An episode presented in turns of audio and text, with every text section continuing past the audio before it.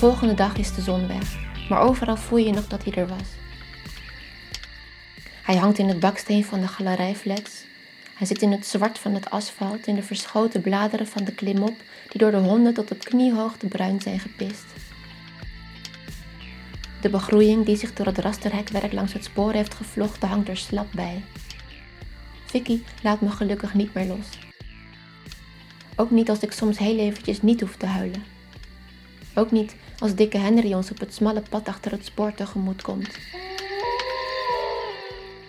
Hij heeft een bloedhond en een bierbuik en ondanks dat hij amper praat, beweegt zijn mond doorlopend, alsof hij de hele tijd kusjes de lucht instuurt. Dat zal wel iets met wijn te maken hebben, want Vicky's moeder doet het ook. Alsof Vicky aanvoelt waar ik aan denk, knijpt ze in mijn hand en wijst naar de hond. Dikke Henry zegt iets wat een soort van hooi is, maar dan korter. Zijn lippen blijven die kusspieren aanspannen, alsof hij iets aan het proeven is. Hij kijkt ons niet aan, maar hij kijkt ook niet echt ergens anders naar.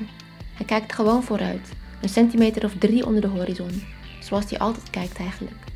Welke kant je hem ook op zou zetten.